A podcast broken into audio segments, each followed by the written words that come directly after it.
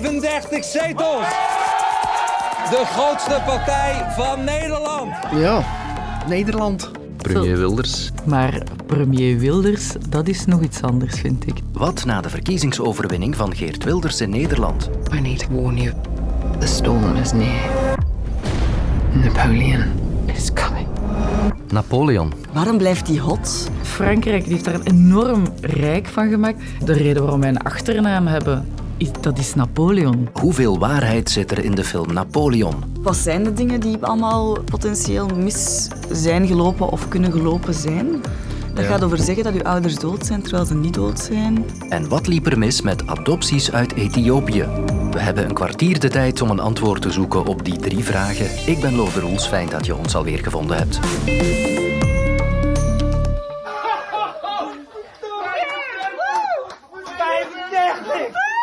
...35 zetels voor een zeer gelukkige Geert Wilders. Zelfs hij zag dit niet aankomen, dat hoor je. En volgens de laatste prognoses komen daar nog twee zetels bij. Zijn partij haalt dus bijna een kwart van de stemmen. Ja, dit is toch wel echt een verrassing. Dat het de meest spannende verkiezingen in jaren in Nederland zouden worden, dat wisten we gisteren al. Maar dit resultaat, dat kon niemand voorspellen. Zelfs onze heel deskundige collega's niet. Drie exemplaren stonden paraat gisteren om de Nederlandse verkiezingen op te volgen. En bij alle drie kwam dit resultaat binnen als een schok. Ivan, we beginnen bij jou in uh, Den Haag. Wij stonden opgesteld bij de, bij de VVD, bij de rechtsliberalen, in een reusachtige zaal in, in Den Haag. Een afgeladen, afgeladen volle zaal. En uh, net voor de exit poll werd gepubliceerd, voor die bekend werd gemaakt, voor geroezemoes in de zaal, luide gesprekken. Een paar seconden daarvoor werd het plotseling stil. En toen hoorde je de presentator van de NOS zeggen... De exit poll is binnen. Malou, de PVV is de grootste partij volgens de exit poll. En toen werd het wel heel stil in die zaal. Gevolgd enkele seconden later door een, ja, door een zucht van ontgoocheling. Toen bleek hoeveel zetels de VVD verloren had. En Bram van der Putten is intussen in Enschede, het hoofdkwartier van Pieter Omzicht. Ja, die, die exit poll van de NOS kwam binnen en ja, de monden vielen daar echt letterlijk open. Je hoorde die verbazing door de zaal. En als je dan met mensen praat, dan, dan, hoor je het ook echt van ja, zo'n score dat hadden we echt niet zien aankomen. Ik denk voor heel veel mensen die gewoon thuis uh, voor de televisie zaten om 9 uur toen die exit poll binnenkwam, dat er toch heel veel mensen toch wel uh, even ongemakkelijk in de zetel aan schuiven waren. Ja, zo'n overwinning hadden ze waarschijnlijk toch ook niet verwacht. Het is wat het is. Jeroen Rijgaard, goedemorgen. Ik was bij Partij van de Arbeid GroenLinks, de nieuwe linkse samenwerking in Amsterdam. Veel volk, heel veel volk vond ik vooraf. Veel goedgezinde mensen, toch tot uh, ja, één minuut over negen. Ja, dus we hebben een uh, forse berg te beklimmen, maar die gaan we beklimmen. Ik heb niet voldoende mensen kunnen overtuigen. We hebben meer zetels gehaald samen dan individueel. Maar het was duidelijk niet genoeg. Je zag daar vooral geschrokken mensen. Dat was echt de sfeer. En mensen die niet wisten wat ze moesten voelen. Want je zat daar bij die linkse partij die het eigenlijk vrij goed gedaan had. Die, die winst geboekt had ten opzichte van uh, twee jaar geleden. Maar ja, je zit er natuurlijk wel ook bij allemaal linkse mensen die uiterst rechts verkiezing zien winnen. En zich afvragen van wat is dat met Nederland?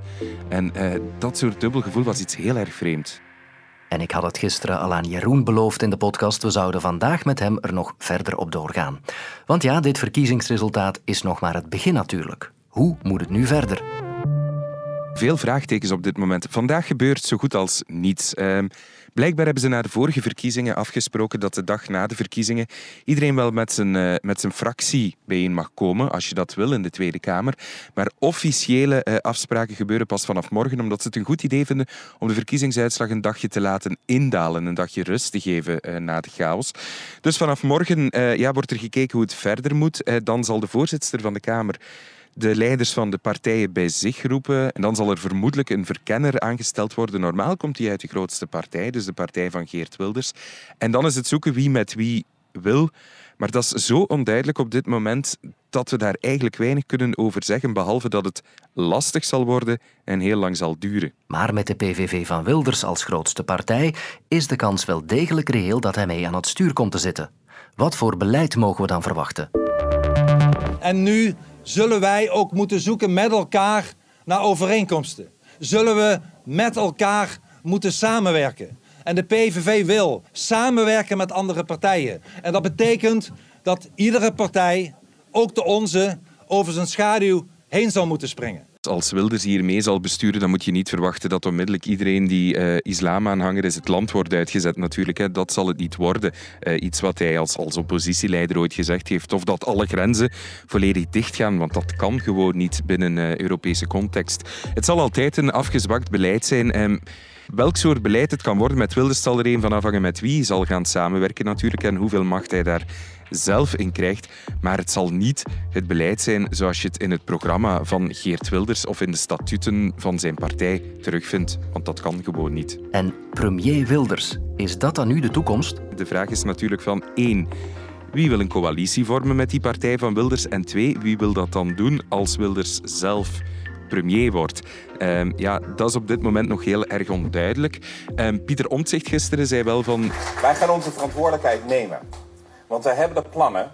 En die plannen die kunnen wij met z'n allen ook echt gaan uitvoeren. Dat is niet eenvoudig. Met dit verkiezingsresultaat hoeven we maar echt even te kijken om te weten. En dat zal van heel veel politici vragen dat ze over schaduwen heen stappen. We zullen zien hoe we dat morgen gaan doen. Maar Nederland zal en moet bestuurd worden. En daar zijn wij voor beschikbaar. Wilders zei ook, we moeten over de schaduw springen. Ik heb daar twee keer een woord schaduw en twee keer springen gehoord. Dus dat die twee misschien potentieel zouden kunnen samenwerken, dat kan misschien wel. De liberalen die hebben daar uh, wel warm en koud uh, over geblazen tijdens de campagne. Dus ja, één, we weten niet of er iemand hoegenaamd wil samenwerken en of dat dan onder premier Wilders moet zijn. Toch, ja, de meest gecontesteerde figuur in de Nederlandse politiek. Dat is natuurlijk ook nog de vraag. Dus of hij echt ooit premier wordt, dat weten we toch wel echt nog niet.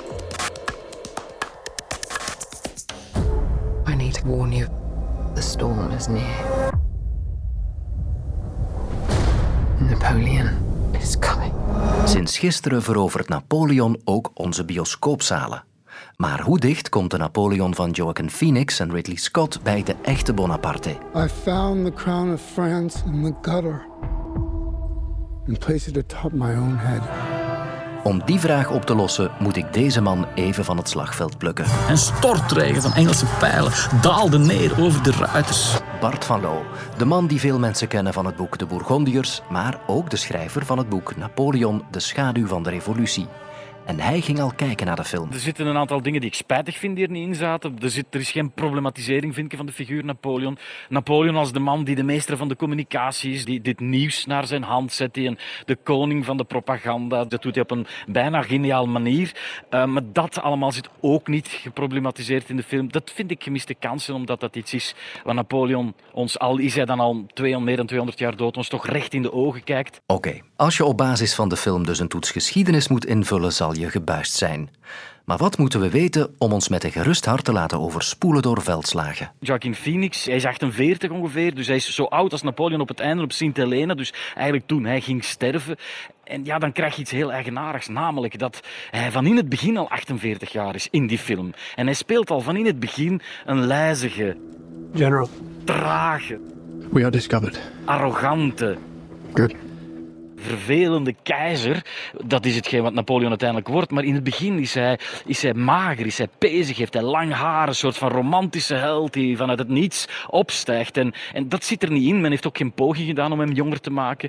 Vind ik spijtig. Zeker dat Josephine bijvoorbeeld. Josephine is in het echt zes jaar ouder. En hier lijkt het op dat we krijgen weer het klassieke beeld van een wereldheerser die samen is met een jong fotomodel. You want to be great. You are nothing without me. Say it. Terwijl in werkelijkheid Josephine dus ouder was. Stel je voor dat hij het had aangedurfd om zeg maar wat Emma Thompson of een iets oudere actrice naast Phoenix te zetten. Dat zou dichter bij de historische werkelijkheid zijn en dat zou net ook wel straffer zijn vandaag, denk ik.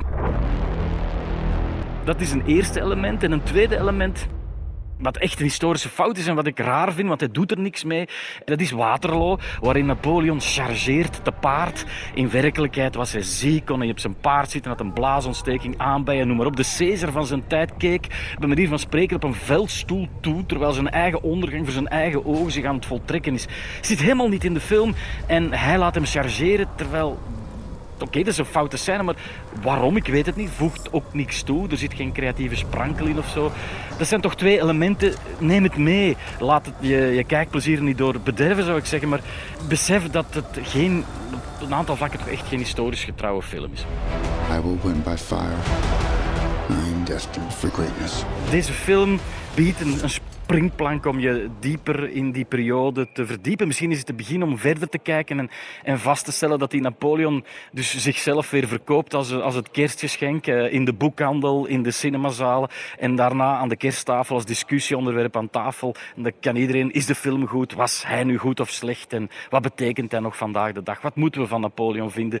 Ja, hij speelt dat toch maar weer klaar. De, als er één winnaar is in heel dit verhaal, dan is het opnieuw wederom de verliezer van Waterloo. Napoleon.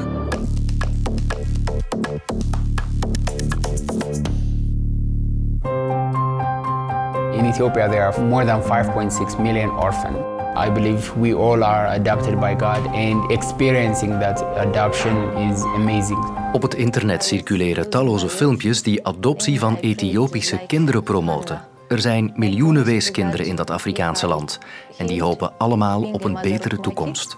I will adopt one who lost their mother and father. En ook voor Vlaanderen was Ethiopië een populair adoptieland. Maar niet alle verhalen blijken positief. Een aantal jaar geleden werd de samenwerking met Ethiopië stopgezet, omdat bij minstens één dossier bleek dat het kind niet door beide ouders was afgestaan. Daarover kwam Teresa toen getuige in het Vlaams parlement. Zij werd destijds als wees opgegeven, maar dat bleek niet te kloppen. Ik ben Teresa en ik ben geboren in Ethiopië. Dus ik ben 17 jaar en ik ben in een afgelegen bergdorpje in Boeke geboren. Uh, ook al ben ik geen wees, niemand weet precies wanneer ik geboren ben. De Vlaamse regering besloot toen bijna duizend Ethiopische adoptiedossiers onder de loep te nemen. En bij twaalf gezinnen is er uiteindelijk een onderzoek gestart wegens mogelijke onregelmatigheden. Ik kreeg daarover Arjan van den Bergen aan de lijn. En ik ben uh, het hoofd van het Vlaams Centrum voor Adoptie. En voor het gesprek echt start wil ze één ding duidelijk maken. Ik vind het heel belangrijk om even mee te geven um, dat we het in uh, zo'n gesprek nooit hebben over individuele dossiers, uit respect voor de privacy van alle betrokkenen. Oké, welke onregelmatigheden duiken zoal op bij bijvoorbeeld een Ethiopische adoptie? Ik denk dat we het dan hebben over elke situatie waarbij dat er uh, ja, zaken zijn die um, verschillen van wat dat er in het adoptiedossier is neergeschreven over het levensverhaal van een kind of over de reden waarom hij of zij geadopteerd werd. Dan kan het bijvoorbeeld eh, gaan over een kind waarvan men zei um, dat het een vondeling was, maar waarvan achteraf toch bleek dat de mama gekend was. Of om een kind um, waarvan men stelde dat één of beide ouders overleden waren, maar waarvan achteraf dan ook blijkt dat die ouders nog in leven zijn. In de afgelopen jaren hebben we uh, een paar keer melding gekregen um, dat er zulke zaken zijn ontdekt in uh, adopties uit het verleden. En hoe kon zoiets gebeuren? Waar ligt dan volgens u de fout? Goh, dat is natuurlijk altijd moeilijk om daar één bepaalde oorzaak voor aan te wijzen. Hè. Wat we wel um, steeds beter weten, is dat je bij adoptieprocedures heel erg zorgvuldig moet handelen. En dat je heel zorgvuldig moet kijken naar met welke herkomstlanden je gaat samenwerken. Of dat er daar voldoende garanties zijn, um, bijvoorbeeld op het vlak van regelgeving, dat er niet te veel corruptie is. En dus dat we daar als overheid heel goed toezicht op moeten houden. Ja, en daar schortte het dan blijkbaar bij onder meer Ethiopië, want daar doken wel meer problemen op, toch? Ja, het klopt dat de samenwerking in 2015 is uh, stopgezet toen we de eerste um, ja, tekenen zagen dat de procedures uh, niet zorgvuldig genoeg uh, gebeurden. En het klopt ook dat Ethiopië um, was ook nog een land waarmee we samenwerkten, dat ook het Haags Verdrag nog niet had geratificeerd. Tussendoor even melden dat het Haags Verdrag een internationale samenwerking is die ervoor moet zorgen dat adoptieprocedures in zowel de ontvangende landen als de herkomstlanden zorgvuldig en correct verlopen. Goed, terug naar het gesprek dus en de vraag op welke manier geadopteerde mensen of adoptieouders dan plots gaan twijfelen aan hun verhaal. Zo zijn er geadopteerden die zich bijvoorbeeld zaken heel scherp herinneren, die bijvoorbeeld afwijken van wat er in het dossier staat. Um, er zijn soms ook mensen bij wie er in het adoptiedossier ook een aantal inconsistenties staan of dat er hiaten zijn in het dossier waarvan we dan zeggen van kijk, dat is echt wel de moeite waard om het verder te gaan uitzoeken. Wat gebeurt er nu als je dat vaststelt als geadopteerde, maar ook als adoptieouder? Van kijk, de situatie is niet wat het lijkt, hier is fraude gepleegd, wat dan? Goh, dat is natuurlijk ontzettend ingrijpend. Hè. Dat raakt echt ook wel ja, aan, aan heel de identiteit die, die je hebt opgebouwd als persoon. En dan, dan komen er hele existentiële vragen naar boven, ook rond hè, waarom ben ik geadopteerd, waar is mijn plek dan? En dat, vraagt natuurlijk ook zorgvuldige begeleiding en een heel proces om te doorlopen, waarbij je ja, echt moet gaan kijken als geadopteerde van wat wil ik hier ook mee doen? Wil ik nog verder op zoek gaan? Wil ik eventueel ook in contact komen met de mensen in het herkomstland, met de familie die daar gevonden is? En het is heel belangrijk dat we er ook voor zorgen dat er op dat moment voldoende begeleiding is. Hè, vanuit het steunpunt adoptie bijvoorbeeld of vanuit het afstammingscentrum.